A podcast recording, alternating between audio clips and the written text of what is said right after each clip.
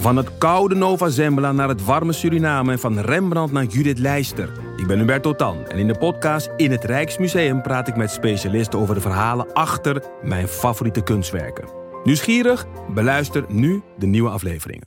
Je hoort mensen willen zeggen dat het boek beter was dan de film, maar wij van Boeken FM streven naar om de podcast beter te laten zijn dan het boek. Wij lezen de klassiekers die je nog niet gelezen hebt. We lezen de boeken die je heel graag wil lezen, maar waar je eigenlijk voor schaamt om in het publiek mee gezien te worden. We lezen de Libris-winnaars. Uh, we praten over de Nobelprijslariaten. Allemaal zoals je een etentje hebt. Dat je moeiteloos mee kan praten en dat het lijkt alsof je helemaal belezen bent. Wij zijn Ellen, Joost en Charlotte van Boeken FM. En je kunt ons luisteren in je favoriete podcast-app.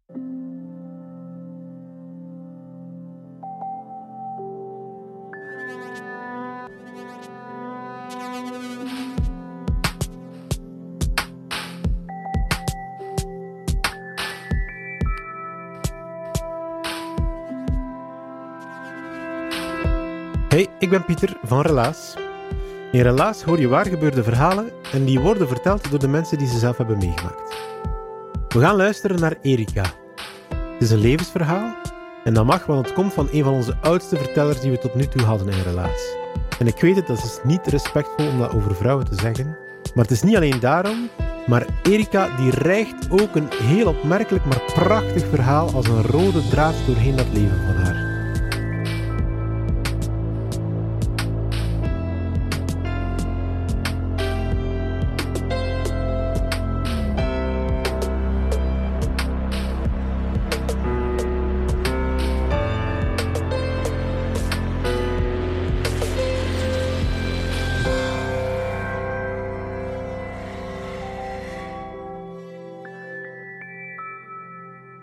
Ik wil je iets vertellen uit mijn leven. Het is eigenlijk heel mijn leven. Ik heb al een lang leven. Ik heb al veel meegemaakt. En ik had als klein kind al een droom. En die droom was toneel, muziek, cinema. En dat heb ik altijd gedaan van als ik heel klein was. Elke week naar de cinema. De radio stond bij ons altijd aan elk muziekgenre. De cinema en de radio hebben mij alles geleerd. En mijn droom kwam verder tot ontwikkeling en het begon met mijn muziekstudies aan te vangen op uh, tienjarige leeftijd, want ik wou operazangeres worden. Want daar was alles in. Daar was toneel in, dat, je mocht acteren, je mocht zingen en je had al de mooiste kostuums aan die je kon dromen. Maar voor die droom waar te maken, als je niet uit een rijk gezin komt, en als je al een dramatische jeugd achter de rug hebt van bij je geboorte, is dat heel moeilijk. Gelukkig werd er in mijn familie enorm veel gezongen. En was mijn grootmoeder de aanleiding om met mij naar de muziekschool te gaan, omdat ze hoorde dat ik een heel mooie stem had en dat ik hele dagen zong. Ik deed niks anders dan zingen. En ondertussen die, was ik 15 geworden. Ik zat op de middelbare studies. En ik kon niet rap genoeg zangles krijgen. Maar je moest wachten tot je 15 was voordat je stem een beetje volwassen was. En op mijn eerste privézangles, die vliegt plots de deur open, komt daar een jonge man binnen met zo'n Pavarotti-sjaal aan, met veel aplomb. Bonjour, bonsoir, heel theatraal. En mijn eerste gedachte was, wat een onnozelaar. Wat, wat, wat, wat, komt hier eigenlijk dan doen? Het was een tenor. Hij was al aan de opera van Antwerpen verbonden. kwam ook zijn zangles nemen, privé. En ik was 15. En hij was 25. En ik vond hem onuitstaanbaar. Totdat ik 16 was. Toen begon onze liefdesrelatie. Tot grote consternatie, zowel van mijn leraars als van mijn, de twee families, die een afstand tussen 16 en 26, dat was mijn kleinzoon zei onlangs tegen mij, dan was opa een pedofiel. Maar die afstand die, die bracht ook mee dat, dat wij elkaar niet zoveel konden zien als ik wou. En nam afstand zo, een beetje. En dat was altijd een, zo een knip relatie. Zo met knipperlicht. Hè. Aan en uit en aan en uit. En ik zat altijd aan te wenen als het af was. Hè. En te wenen en te wenen. En mijn moeder zei, dat kan zo niet blijven duren. Altijd maar aan en aan die nonnozelaar. Wanneer gaat hij nu een keer beslissen? Maar ja, 16 jaar beslist zo rap niet. Maar op een bepaald ogenblik, die was er zo in de casino, waren er altijd zo bals met nieuwjaar nacht. En ik wou daar absoluut naartoe, hè, want ik ging hem nog een keer zien tussen dat knipperlicht. Hè. En uh, ik was daar en hij zegt tegen mij, kijk, nu gaan we het een beetje stopzetten. Ik ga, je gaat mij niet meer zien, ik zal nu in Antwerpen zitten aan de opera en ik zal u bellen op 1 september. Het was 31 december. dus ik dacht, dat, dat is niet te doen. Ween, ween. Mijn moeder die zei, hij zal je nooit bellen. Hij zal nooit bellen in september, je laat u dat allemaal bijsmaken. En inderdaad, op 1 september om 12 uur, op de middag, belde hij. En toen is het eigenlijk aangebleven. aangebleven. Maar uh, hij, hij volgde mijn studies aan het conservatorium, zat ik toen ook al, terwijl ik mijn middelbare studies deed. En hij begon dat te volgen. En hij zag dat dat niet te doen was. Ik werd niet gesteund door thuis. Eh, ze waren er tegen. Uh, dat was een beroep voor oeren. En dat was oneerbaar op toneel staan. En alle artiesten waren armoezaaiers. Nog, hè. dus dat is niets nieuws, dat ik vertellen. Dus uh, hij, uh, ja, hij, begon dat te volgen en hij zei, zo kan dat niet meer verder gaan. ik was primus aan conservatorium. Alles ging zo vlot. En, en, van elke cursus kon ik genieten. Het was mijn leven. En hij zei, dat kan zo niet verder gaan. Wij gaan trouwen. Trouwen. Was toen 19. En mijn moeder die zei, trouwen? En wanneer gaat het trouwen? En wel, binnen vier weken. Oeh, binnen vier weken. En waarom moet dat zo rap? Scheelt er iets? Nee, dat scheelt niets. Maar hij zei, we gaan trouwen en we gaan voor uw studies gaan. Maar hij had ook een droom. Hij was ook operazanger. Oh, operazanger. En hij wou, hij wou dat allemaal opgeven voor mij. En hij heeft dat allemaal opgegeven. Alles. Hij heeft zich volledig achter mijn carrière gesteld. En is met mij beginnen studeren. Is mijn coach geworden. Hij was perfectionist in alles. Het was mijn rots in de branding. Hij was zeer eerlijk, maar enorm streng. Dus ik moest alles kunnen verdragen. Sommige van mijn uh, vriendinnen die zeiden, hoe kun jij met je karakter dat verdragen? Dat hij zo hard is, dat hij zo streng is. Maar ja, het moest wel. Maar ik dacht, 19 jaar trouwen, ben vrij. Vrij. Twee keer in de week naar de cinema. Twee keer in de week naar de cinema. Maar hij, hij zag dat zo niet.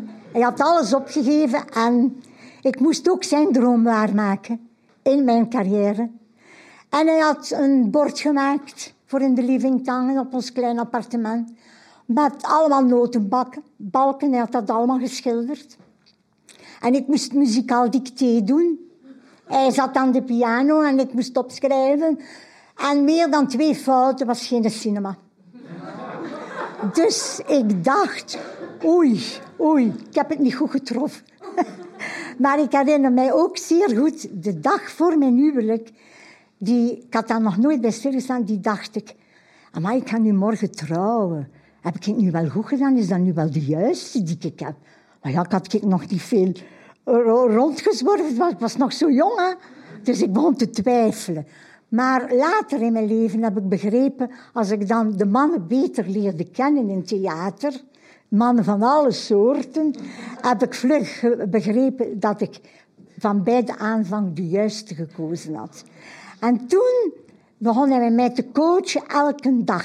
Elke dag. Hij nam een baan aan van uh, acht uur uh, s morgens tot vijf uur s voor met mij te kunnen trainen. En hij, uh, ik wou kinderen, hij wou geen kinderen. Maar ja, ik zag... Mijn leraar zei, nee, geen kinderen. Als je carrière wilt maken, geen kinderen, niets. Maar ik dacht, ik wil alles hebben, ik wil alles hebben. Dus op 21 had ik al één zoon. Dus het ging allemaal vlug. De carrière ging vlug, de studies ging vlug. En op uh, 64 en 64 stond ik al op de planken van de Opera van Gent in mijn eerste grote rol. Ik heb niet anders gekregen dan grote rol. Ik heb nooit achter werk moeten zoeken. Ben dan naar de Opera van Antwerpen gegaan. En dat bleef altijd maar coachen en coachen. En, en als, hij ging overal mee, overal mee. En als ik uh, bijvoorbeeld naar Antwerpen reed met de auto en we kwamen terug. En ik had bijvoorbeeld, vroeg hem hoe dat was. Ik had één noot niet goed gezongen dan was het geen beeld, geen klank, niemendal. En dan voor één noot. Hè. En toen dacht ik, goh, uh, ja, ja, hij was zo streng. En ik begreep dat wel. Hij had zo alles opgegeven en ik moest het waarmaken. En als ik veel succes had, want ik zong de grootste rollen, alle Puccini's, alle Verdi's, uh, Mozart, uh, Wagner, ook concerten in de radio. Alles. En hij, hij uh, hield zich altijd op de achtergrond. Alle premières of elke recepties hield hij zich altijd op de achtergrond. Ik, moest al, ik, kon, ik had dat niet graag. En ik moest altijd zeggen, mag ik u mijn man presenteren? Want ik vond dat zo erg dat hij dat deed. Omdat hij zoveel voor mij deed. En dat is zo blijven voortduren, heel mijn carrière lang. Hij heeft ook altijd gezegd, je moet niks aanvaarden uh, om geld alleen uh, moet het aanvaarden uit artistiek oogpunt. Als je artistiek iets hebt dat u niet ligt, dan moet je dat niet aanvaarden. Ik zal wel maken dat er geld binnenkomt. Dan uh, hebben we ook nog een tweede zoon gehad, maar dat zat dan vijf jaar tussen door die carrière. En dan kreeg ik aanbiedingen voor een internationale carrière te maken.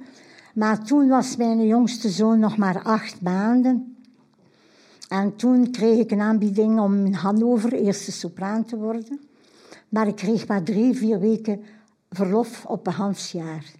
En ik heb het niet gedaan. Mijn man zei, doen, doen, doen, doen. En ik zei, nee, ik ga dat niet doen. Want ik ga die kinderen niet zien groot worden.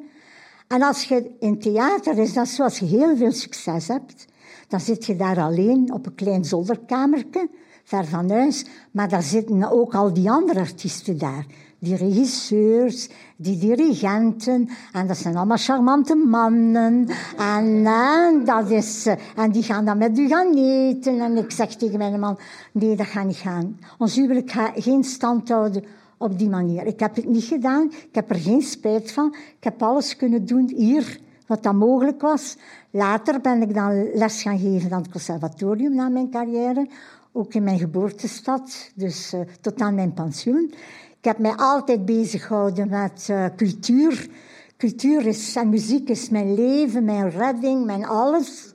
Ik heb mijn kinderen in de cultuur opgebracht. Ik heb uh, vijf prachtige kleinkinders, vier kleindochters en één kleinzoon. En welke invloed heeft dat hele strenge door mijn man een invloed gehad op mijn zonen? Een grote invloed, want ik was er niet om de huiswerktaken te doen. Hij was er altijd. Hij ging met de kinderen naar de, muziekles.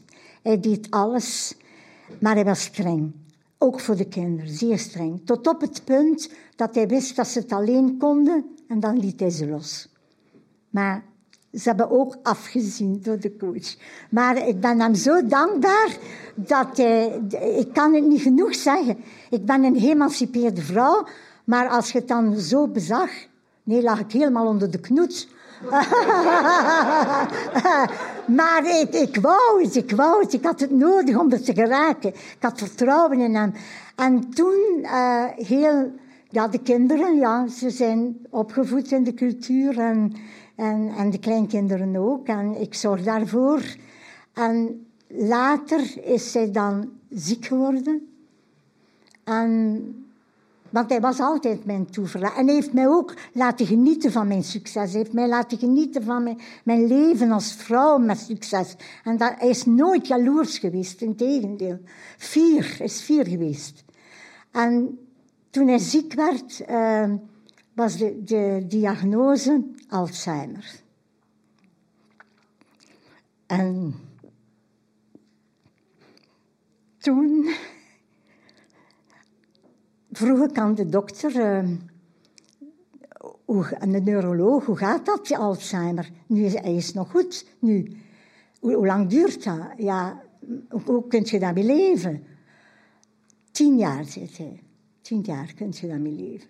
En het is tien jaar geweest op de dag dat hij mee geleefd heeft. En het is um, de eerste vijf jaar. Ik heb Alzheimer beginnen studeren. Weet alles van Alzheimer. Ik heb de dokters uitgevraagd, want ik ben zeer nieuwsgierig. Moest alles weten. Ik had geen vertrouwen als ik het zelf niet opzocht. En ik heb het uh, ondergaan samen met hem. Ik heb hem altijd thuis gehouden tot de het laatste uur. Uh, want het was nu mijn beurt om voor hem te zorgen. En de eerste vijf jaar van Alzheimer gaan nog. Ze veranderen van karakter, ze worden wat autoritair, een beetje opstandig. De laatste vijf jaar worden erger en de laatste drie jaar zijn een ramp. En ze, lang, ze langzaam zien doodgaan, maar het, het, het, ze erkennen je zogezegd niet meer. Maar als ik dus lang weg geweest was van een repetitie en ik kwam thuis, kon hij soms kijken, wie zei jij? Maar van als ik begon te spreken, herkende hij mij direct. Van als ik begon te spreken. En als ik op toneel stond, repeteren en hij zag mij niet, was hij ook altijd zeer ongerust. Hij had een enorm vertrouwen in mij tijdens zijn ziekte. Ik moest er altijd zijn. En als hij dan uh, uiteindelijk gestorven is, uh, ja, dan komt er zo'n punt in je leven dat je zegt, je zit van je 15 jaar tot nu, uh, wat nu? Wat nu? Um, maar hij had mij altijd gezegd, als je ziek was, je moet nooit stoppen met muziek doen. Nooit. Tot het einde van je dagen moet je daarmee doorgaan. En dat doe ik. Ook met jonge mensen werk ik nog. En hij is niet dood, maar ik hoor hem nog altijd.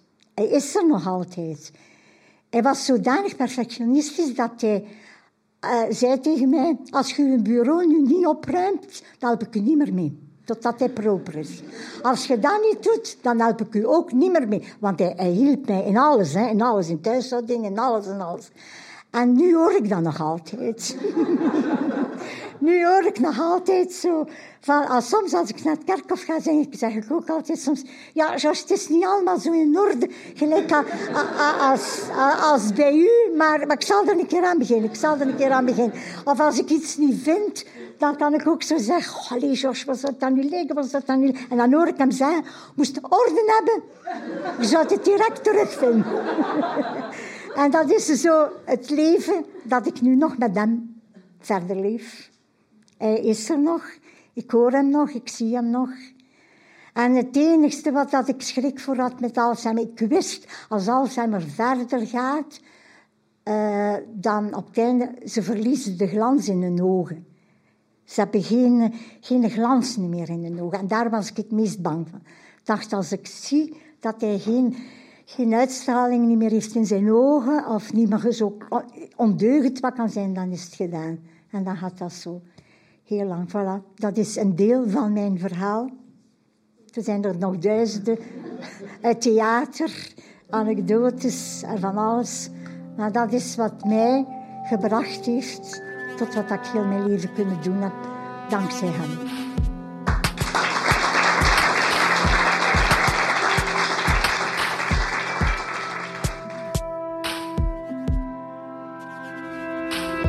Dat was het relaas van Erika. Ze heeft het verteld in Gent, in Husset, in december van 2021. En normaal gezien weet je tijdens de relaasvertelavonden niet direct wie dat er een verhaal gaat vertellen. En dat is niet omdat dat op dat moment zelf beslist wordt, dat zeker niet. Maar omdat die vertellers, net als het publiek, gewoon in de zaal zitten. En die luisteren mee naar alle andere verhalen tot het hun beurt is om recht te staan en om te vertellen. Maar door de leeftijd van Erika en ook door, ja, laten we eerlijk zijn, de flamboyance waarmee dat zij de ruimte vulde, had ik al een flauw vermoeden dat Erika die avond een verhaal zou vertellen. Ze zat trouwens ook aan de tafel naast ons, samen met haar zoon, haar schoondochter en haar twee kleindochters. Het was een prachtig familiemoment. Zalig om te zien hoe een familie soms aan elkaar hangt, met lief en met leed. Erika heeft niet gezongen die avond, jammer, maar dat moet ik er wel bij vertellen. Het is dit soort verhalen die eruit komen dankzij de steun van onze subsidiënten, de afdeling cultuur van de Vlaamse gemeenschap en die van de stad Gent. En ook wel dankzij jullie, onze luisteraars. Als jullie iemand kennen met een prachtig levensverhaal, zoals dat van Erika, laat ons dat dan weten. En als je niemand anders kent die dat kan vertellen, dan ken je zeker iemand naar wie je dit geweldig verhaal kan sturen. Stuur het verhaal gewoon door naar die persoon. Wij krijgen daardoor meer luisteraars en jij doet iemand een zalig levensverhaal cadeau. Dankjewel.